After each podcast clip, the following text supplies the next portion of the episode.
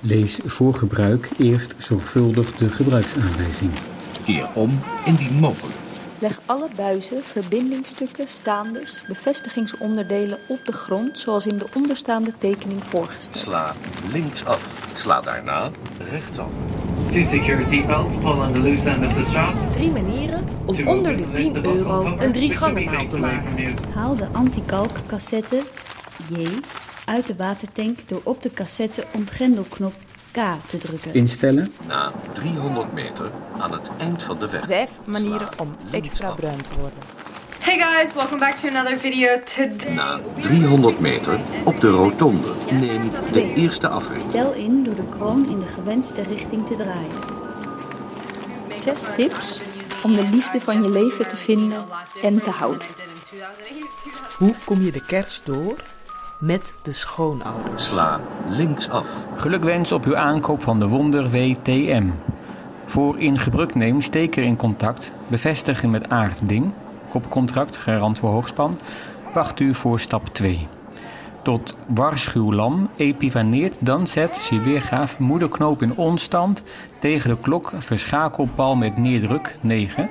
Zin krijgt op spel, uw aankoop is gered. Bent u bang voor de toekomst? Nou, niet voor mezelf. Zelfs als de boel hier onderstroomt. Wij zitten vet onder het... eh, als de dijken doorbreken, hè? Dan komt het tot de tweede etage hier in deze buurt. En dan heb ik iets van, nou ja... Verdrinken we, dan verdrinken we. Nee, dat kan me helemaal niks schelen.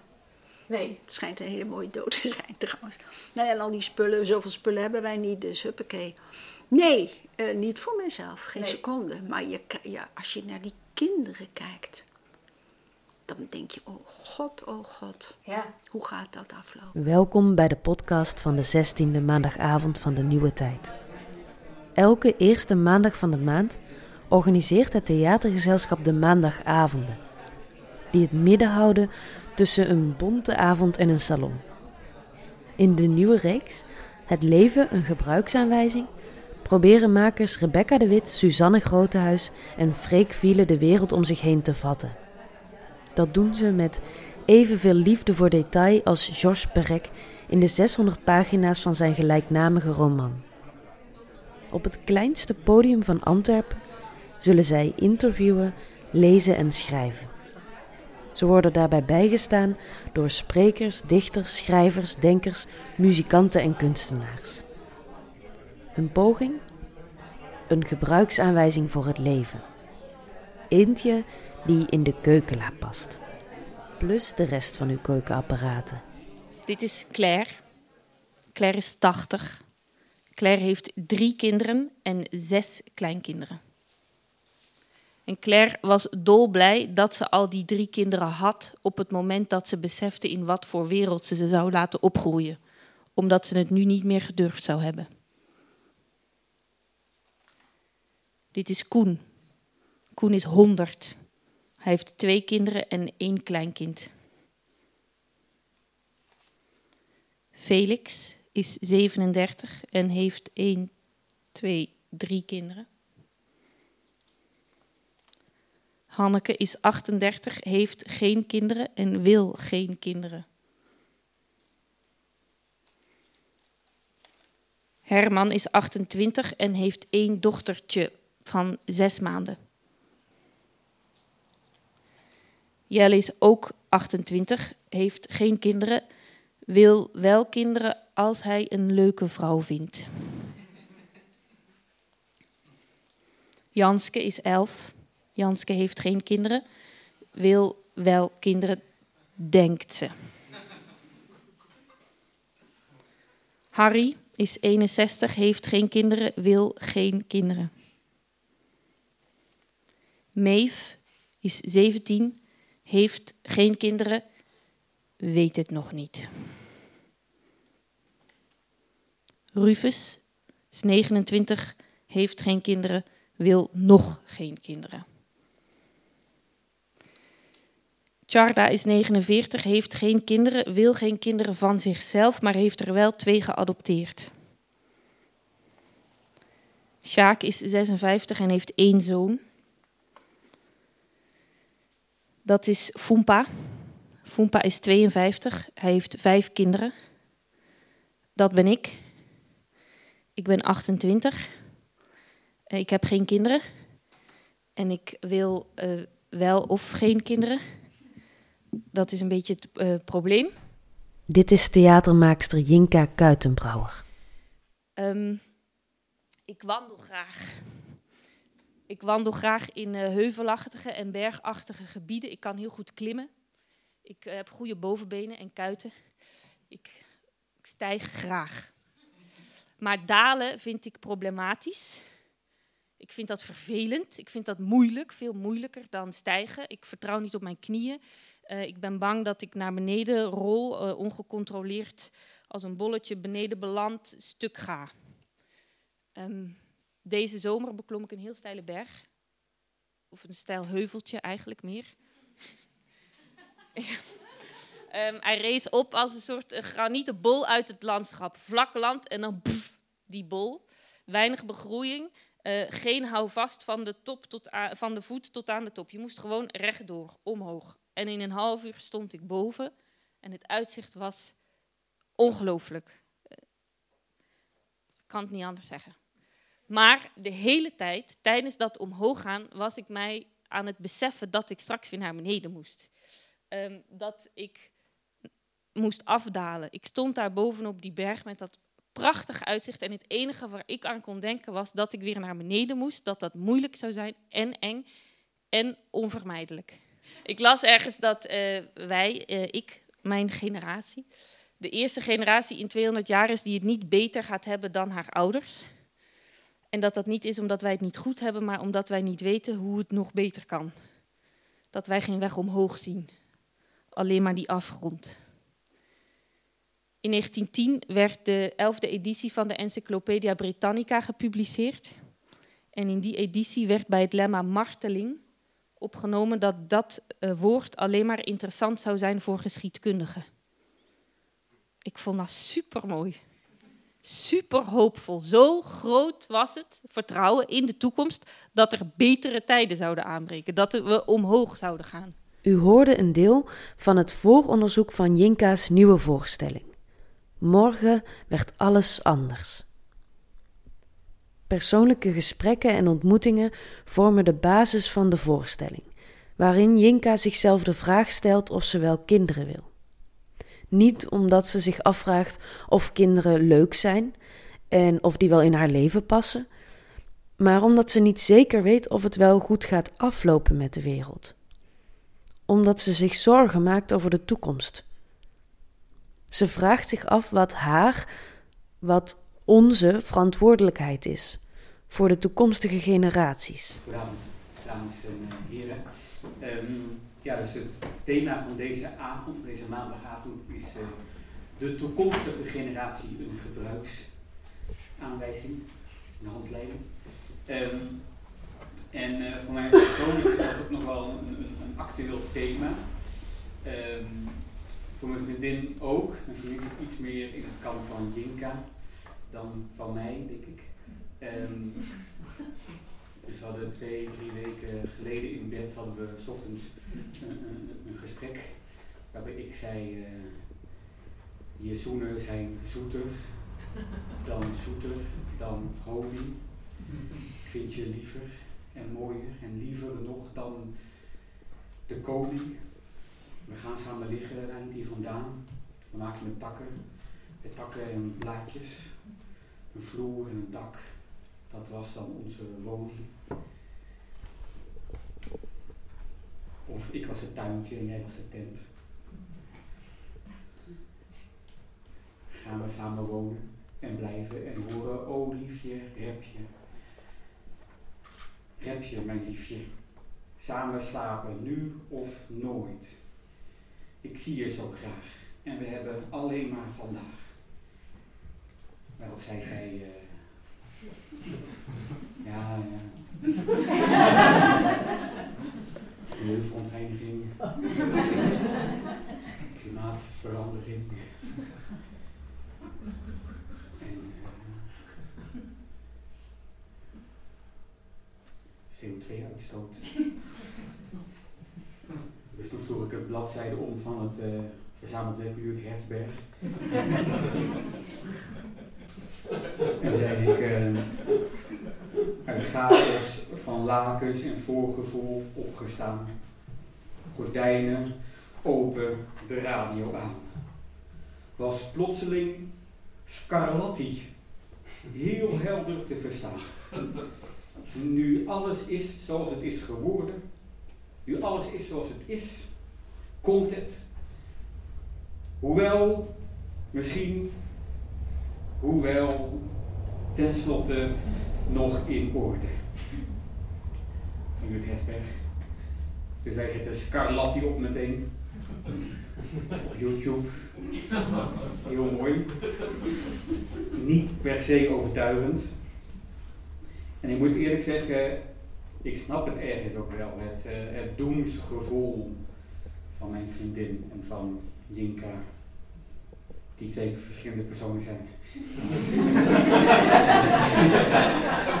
over, twee weken organiseer ik een, een, een middag in de, in de single. 16 eh, december uh, over het, mijn wereldbeeld, het wereldbeeld. En, en ik ga er met een aantal andere theatermakers van generaties boven mij en onder mij uh, in gesprek over het wereldbeeld. En voor, voor die middag moest ik heel goed nadenken over wat dan mijn wereldbeeld is en zou zijn. En toen moest ik, denk ik, bij zo twee beelden over mijn wereld, dus met twee wereldbeelden.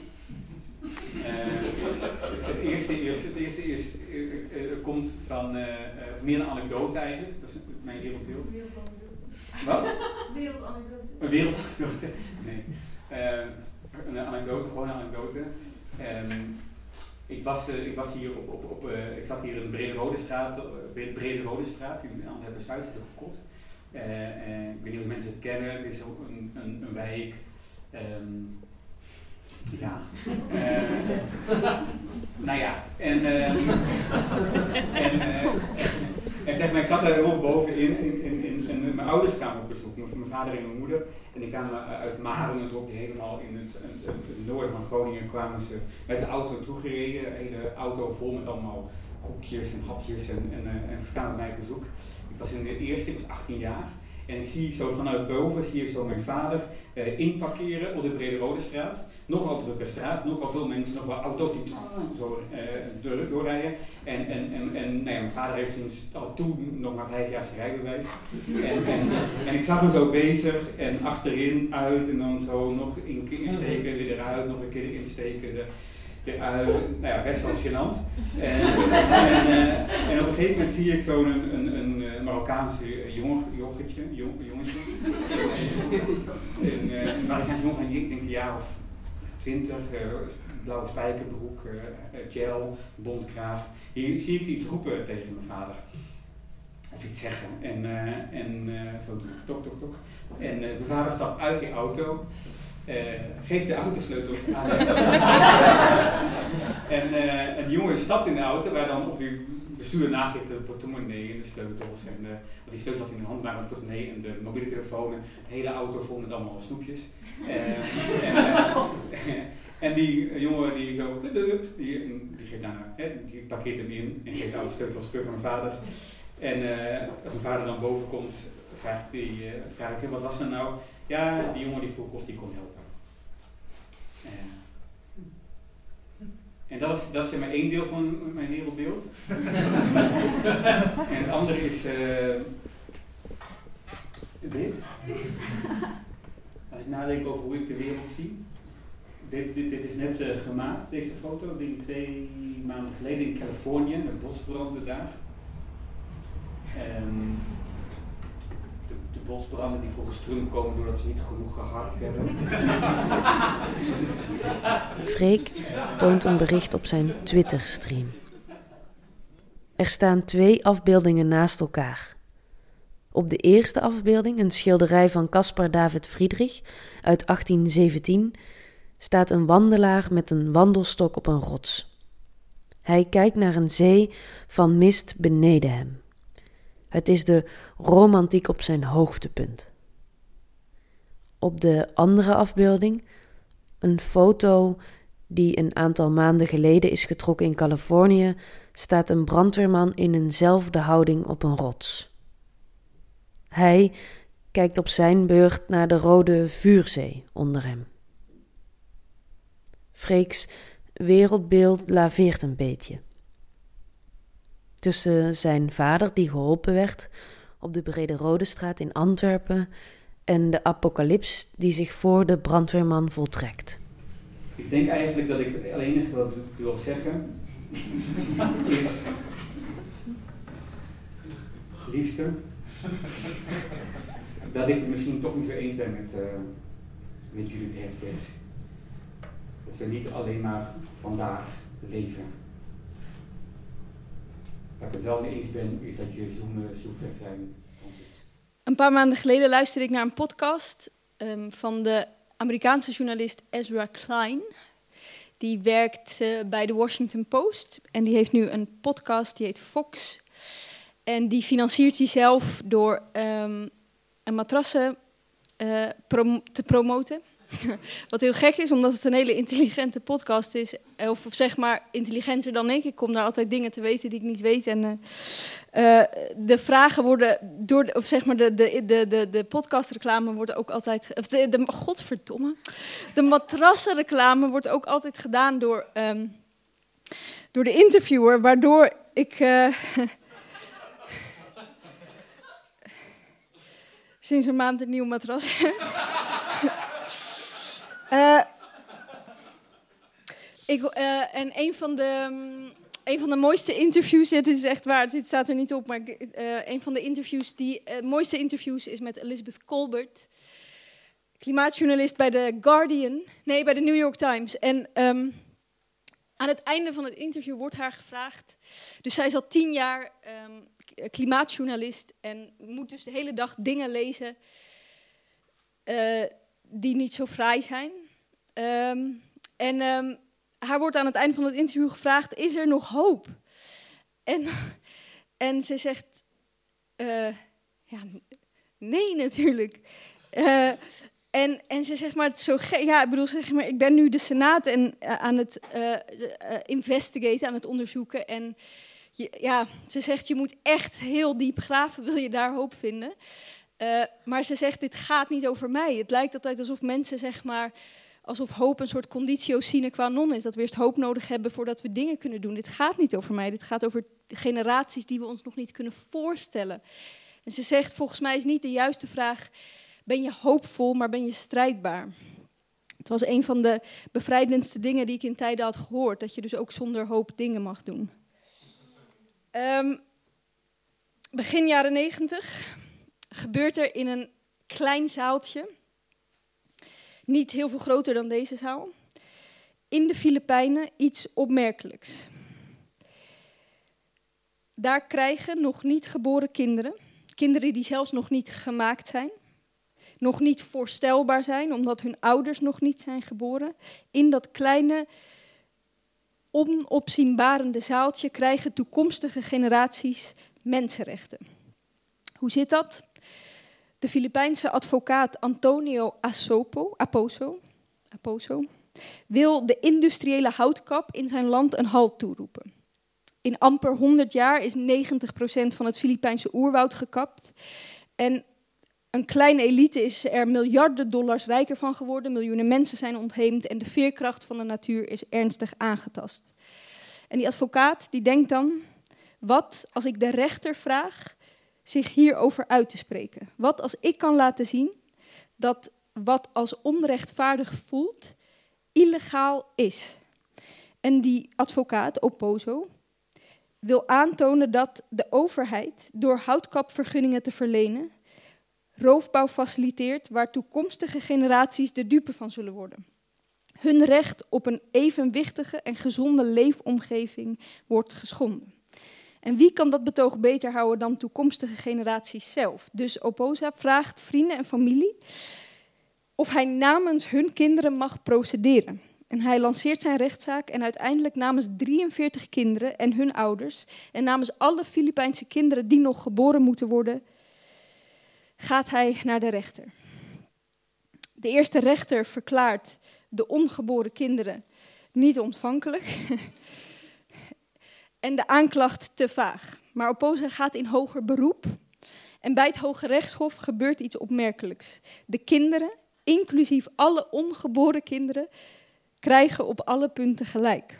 De concessies die de overheid aan de houtkappers had verleend, waren onrechtmatig. Want in feite verleenden ze toestemming om toekomstige generaties van een gezonde leefomgeving te beroven.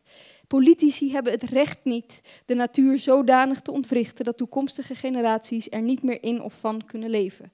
Zelfs al zouden ze onder het mom van economische ontwikkeling alle natuurlijke rijkdommen in één generatie op willen maken. De Filipijnse rechter gaat nog verder. Hij herinnert de Filipijnse overheid aan haar actieve grondwettelijke plicht om de gezonde leefomgeving juist te bevorderen. Deze zaak kwam bekend te staan als de Opposa-doctrine. En dat is het idee dat elke generatie de verantwoordelijkheid heeft om het milieu te behouden voor de volgende generatie. Het idee dat kinderen naar de rechter mogen stappen in naam van hun eigen en toekomstige generaties om hun leefomgeving te beschermen.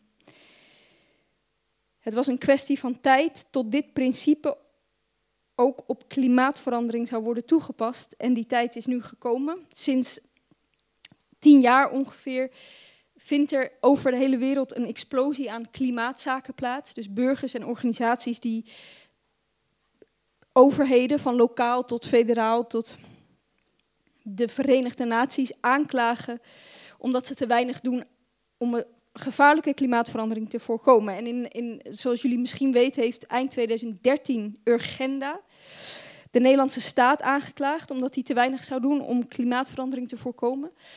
En in België loopt er ook een klimaatzaak. Daarmee brengt de overheid niet alleen de leefomgeving van toekomstige generaties in gevaar, hè, met het niet voorkomen van gevaarlijke klimaatverandering. Daarmee brengt de overheid niet alleen uh, de leefomgeving van toekomstige generaties in gevaar, maar het leven zelf. Dit gaat al lang niet meer over verdrinkende ijsberen, zei de advocaat van Urgenda. Er staan vele mensenlevens op het spel en daarmee is het een vraagstuk van mensenrechten schendingen geworden. En wat dus ongelooflijk is, doordat de overheid schuldig is verklaard in Nederland, is er nu een precedent waardoor mensenrechten schendingen aan klimaatverandering kunnen worden gekoppeld. Dus klimaatverandering kan aangepakt worden omdat het een mensenrechten schending is. En wat ik ongelooflijk vind aan, aan deze ontwikkeling is dat is in kleine, niet uh, hele opzienbarende zaaltjes mensen met pruiken en jurken aan uh, dingen zeggen die onze verbeelding veranderen. Die, waardoor we moeten nadenken over onze positie op aarde. Want niet alleen is klimaatverandering is dus koppelbaar aan mensenrechten schending, maar ook over mensenrechten schendingen wordt in die kleine uh, onopzienbarende zaaltjes veel, veel uitspraken gedaan door rechters. Want um, wat gebeurde er tien jaar na de Filipijnen? In een uh, zaaltje, niet veel groter dan dit zaaltje, ik heb er beelden van gezien, wordt een chimpansee een mens. En er is geen DNA-kloonproject aan de gang, maar een rechter verleent de chimpansee Stewart mensenrechten. Twintig jaar al was de advocaat Peter Wise aan het uh, procederen voor uh, chimpansees om ze mensenrechten te verlenen. En dat duurde zo lang omdat chimpansees geen geld hebben.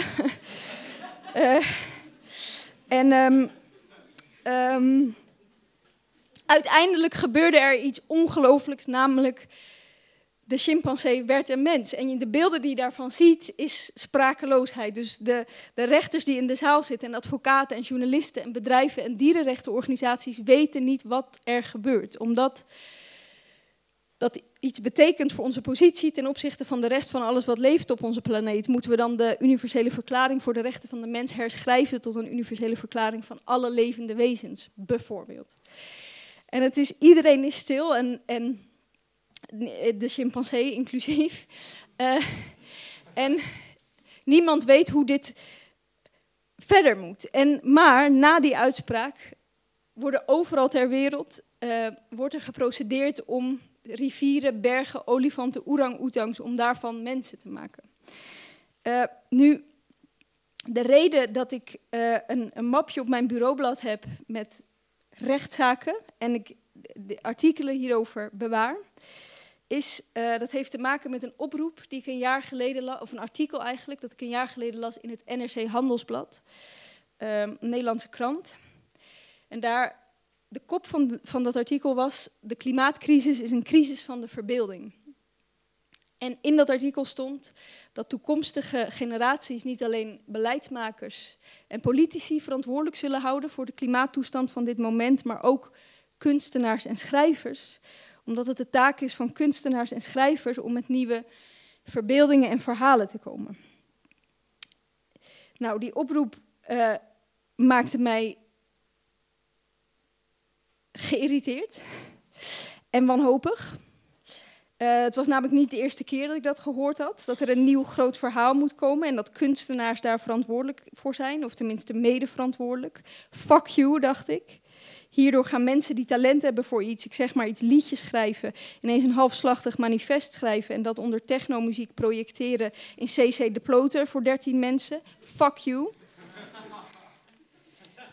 kunstenaars verantwoordelijk maken voor het redden van de wereld. Wat je dan krijgt is slechte kunst en slechte reddingspogingen. En om zijn ongelijk te bewijzen van de schrijver van dat artikel, heb ik de handschoen opgepakt.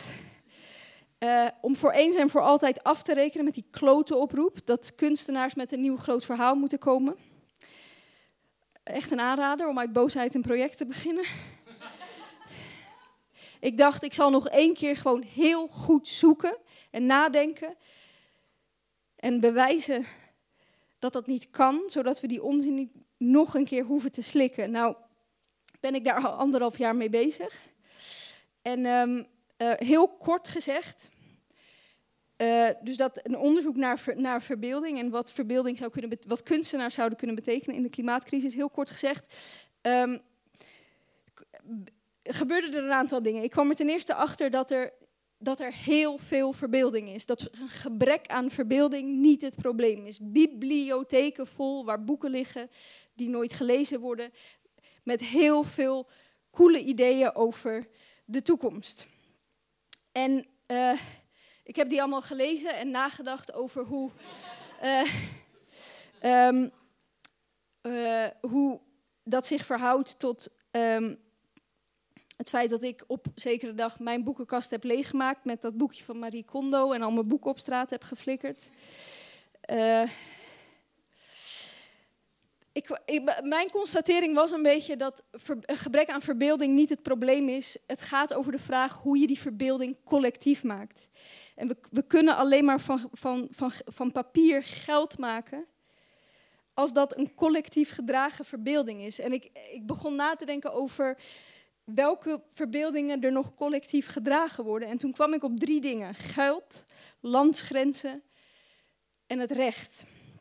En zo kwam ik dus uh, in de rechtbank terecht. Ja, niet persoonlijk, op, in artikelen over het recht. Um, en werd ik best wel geïnspireerd door het feit dat wat daar allemaal in die rechtbanken gebeurt. En ik dacht, misschien is het recht wel een van de laatst collectief gedragen verbeeldingen waar mensen een pak aan trekken en hun tekst uit hun hoofd kennen en uitspraken doen die consequenties hebben. En nu, um, uiteindelijk is die uitspraak uh, van die chimpansee uh, in hoger beroep uh, teruggetrokken. Dus de chimpansee werd van een mens weer een chimpansee. En in de, het half jaar dat hij een mens was, ik weet niet of u hier veel van heeft gemerkt, zijn er veertien nieuwe rechtszaken aangespannen om van orang-oetangs, rivieren en bergen mensen te maken. En in Nieuw-Zeeland kreeg een rivier mensenrechten. Dit is mijn uitspraak, zei de rechter, en daarmee zult u het moeten doen. Overal ter wereld brengen rechters ons naar de randen van ons verbeeldingsvermogen en dwingen ons om dingen te beschermen die we ons nog niet kunnen voorstellen. En uh, in een interview, die, die, um, uh, die Filipijnse advocaat werd geïnterviewd en die, uh, die zei, bij hem werd gevraagd, hoe kan je nou dingen beschermen die niet bestaan? Hoe kun je rechten claimen voor iets dat niet bestaat? En toen zei hij, nee natuurlijk bestaan toekomstige generaties niet. Bestaat de universele verklaring van de rechten van de mens niet? Bestaat de werkelijkheid niet? Besta ik niet? En je kunt daar op twee manieren op reageren. door een schriftuur uit te vinden die dat koppige onbestaan accentueert, of door koppergewijs te vinden dat het tot de opdracht hoort die onbestaande werkelijkheid tot bestaan te schrijven. Dat is niet waar dat die man dat zei. Dit is een citaat van Herman de Koning, die uh, aan in een brief uh, aan Eric Spinois wilde zeggen waarom hij geen deconst deconstructiepoëzie schrijft. Maar het feit dat ik het een aan het ander kon toeschrijven, vond ik op een of andere manier iets strijdbaars hebben.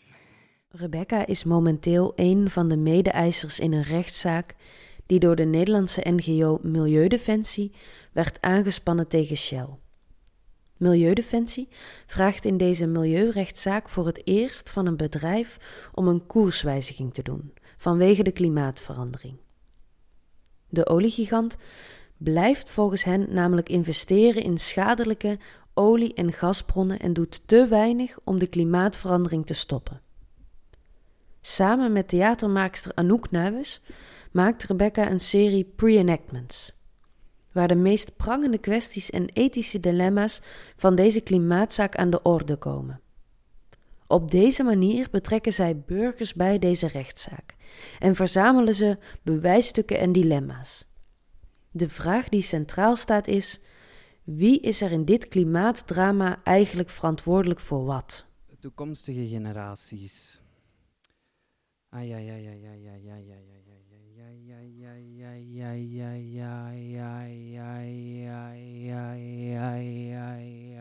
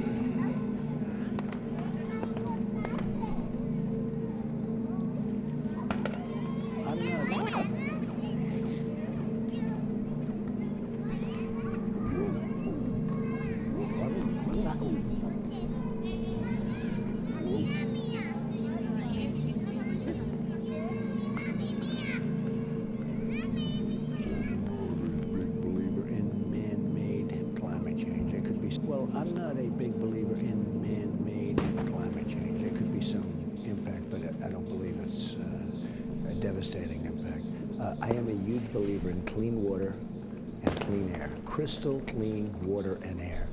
I'm a very big believer in that, and we have a lot to do with that, keeping our water clean, keeping our air clean. Um, but no, I would say that uh, it goes up, it goes down. I think it's very much like this over the years. Uh, we'll see what happens. I mean, we'll see what happens. Maybe you and I, even you, as young as you are, you won't be around to see. But uh, certainly climate has changed. But they, you know, they used to call it global warming. Uh, they've had many different, uh, they call it extreme weather. They always change the name to encapsulate everything. The problem we have is our businesses are suffering. Our businesses are unable to compete in this country because other countries aren't being forced to do what our businesses are being forced to do.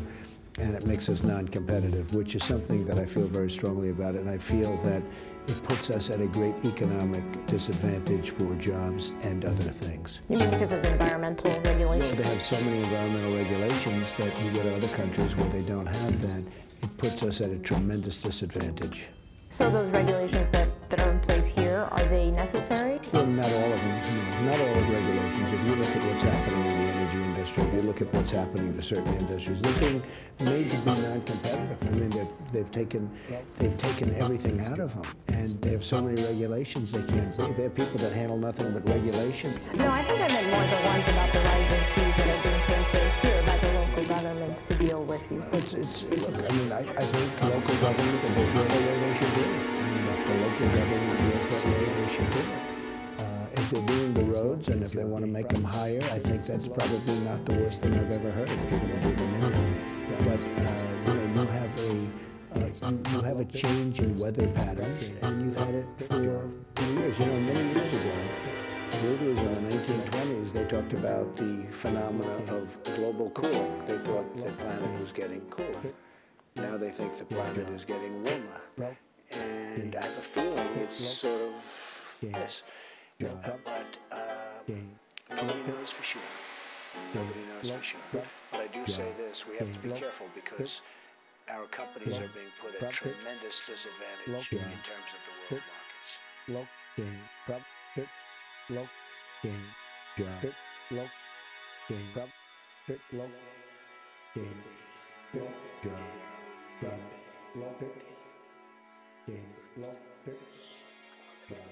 Oké, we zijn bij het einde van de avond. Ik ga het kort uh, afsluiten. Um, ik heb daarvoor speciaal uh, dit uh, dikmaakpak aangetrokken. Um, leek me wel goed voor het thema. Um, ja, in mijn geval, in plaats van tot volgende keer, zeg ik tot over twee, drie maanden. Vanwege dus de toekomstige generatie die in dit geval uh, dringend aan zit te komen. Nog 16 dagen en dan is het zover.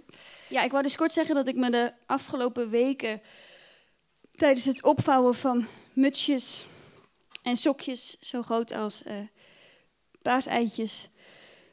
Tijdens het oefenen van hoe je een maxi-cozy in een auto moet vastklikken door een instructievideo van ene Willem uit Brabant op mijn gsm te kijken.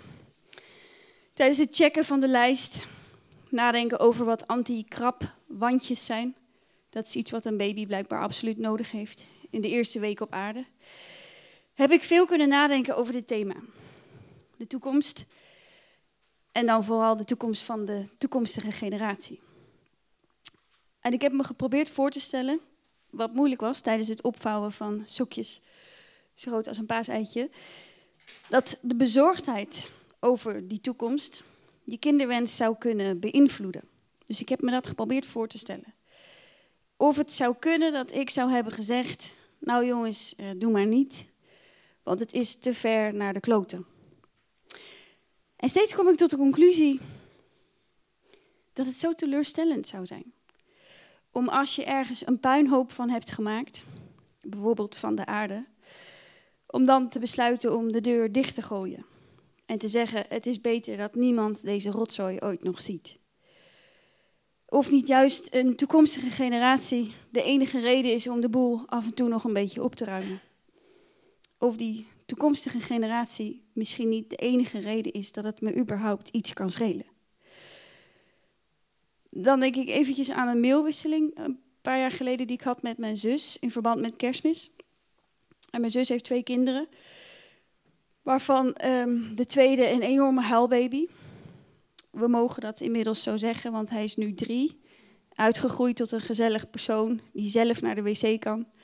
Die kan uitleggen in een volzin waarom hij zijn doperwten niet opeet. Omdat die vies zijn. In ieder geval, een leuk persoon is het geworden. Maar toen dat hij dus nog een enorme huilbaby was, mailde ik mijn familie in verband met kerstmis. En ik stuurde hen door dat we wat mij betreft wel vlees konden eten, maar dan liefst alleen wild. En dat het label wild vaak niet wil zeggen dat het wild is. Maar een industrie waarbij de dieren er gewoon iets anders uitzien dan een kip of een vark of een koe. En ik stuurde hen een documentaire door over het kweken van eenden. En ook dat ik in verband met de kaasplank besloten had om niet meer zomaar kaas te kopen. En hoe zij hierover dachten. Mijn zus mailde twee zinnen terug. Hey, hey, even over je mail. Ik heb op zich al vijf jaar niet geslapen en het zal me een worst wezen of we de wereld redden. Het woordje worst was onderstreept. En nu het dan bij mij bijna zover is, vraag ik het me af. Hoe het zit met mijn prioriteiten betreft het leven op aarde. En of die bij leven, mijn leven, of bij de aarde zullen komen te liggen. Of zal ik me nog steeds in die oncomfortabele spagaat bevinden tussen de wereld redden en het plannen van mijn vakantie naar de Canarische eilanden? Of zal het me tegen dan ook een worst wezen? Misschien kunnen we het er samen volgend jaar rond kerstmis over hebben, bijvoorbeeld op een maandagavond. Alhoewel ik het vermoeden heb dat het eigenlijk niet veel uitmaakt bij welke generatie je nu hoort en of je nu zelf een nieuwe op de wereld aan het zetten bent of niet. Ik moet denken aan hoe ik twee maanden geleden in Perpignan liep op de World Press Foto Tentoonstelling. Het is een journalistiek fotofestival waar ik elk jaar naartoe ga met Ryanair, omdat de trein er 18 uur over doet en 378 euro kost. En ik dus niet de conclusie trek dat het raar is om foto's te willen bekijken op een zaterdagmiddag in het zuiden van Frankrijk, maar het vliegtuig neem.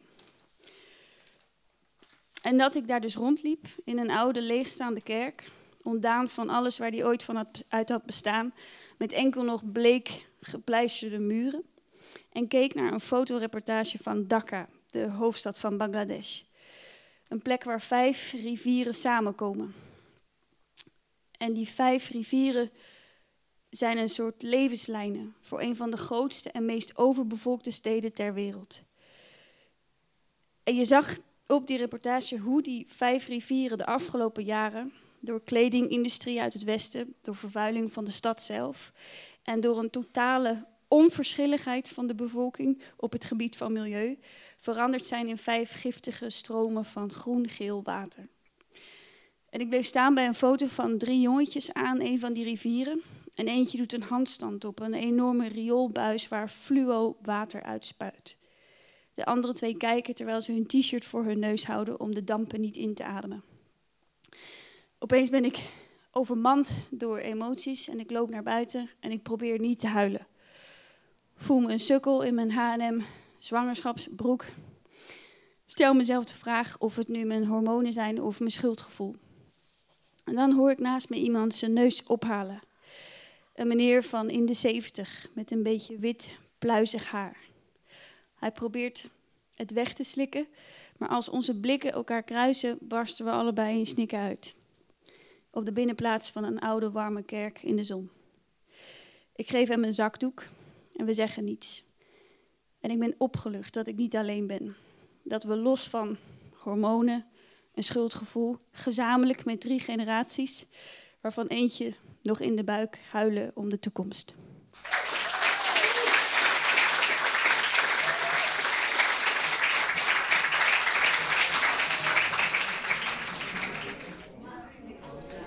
Dit was de podcast van de 16e maandagavond. Opgenomen op 3 december 2018. U hoorde theatermaakster Jinka Kuitenbrouwer met haar vooronderzoek voor haar nieuwe voorstelling Morgen werd alles anders. U hoorde teksten van Freek Viele, Rebecca de Wit en Suzanne Grotehuis. De muziek was van geluidskunstenaar Adriaan. Ik, Xandri van de Besselaar, heb het opgenomen en gemonteerd. U kunt de podcast terugluisteren via de website www.denieuwetijd.be podcast of op de Soundcloud van de Nieuwe Tijd. De maandagavond is elke eerste maandag van de maand, telkens om 8 uur in de Sint-Paulusstraat 23.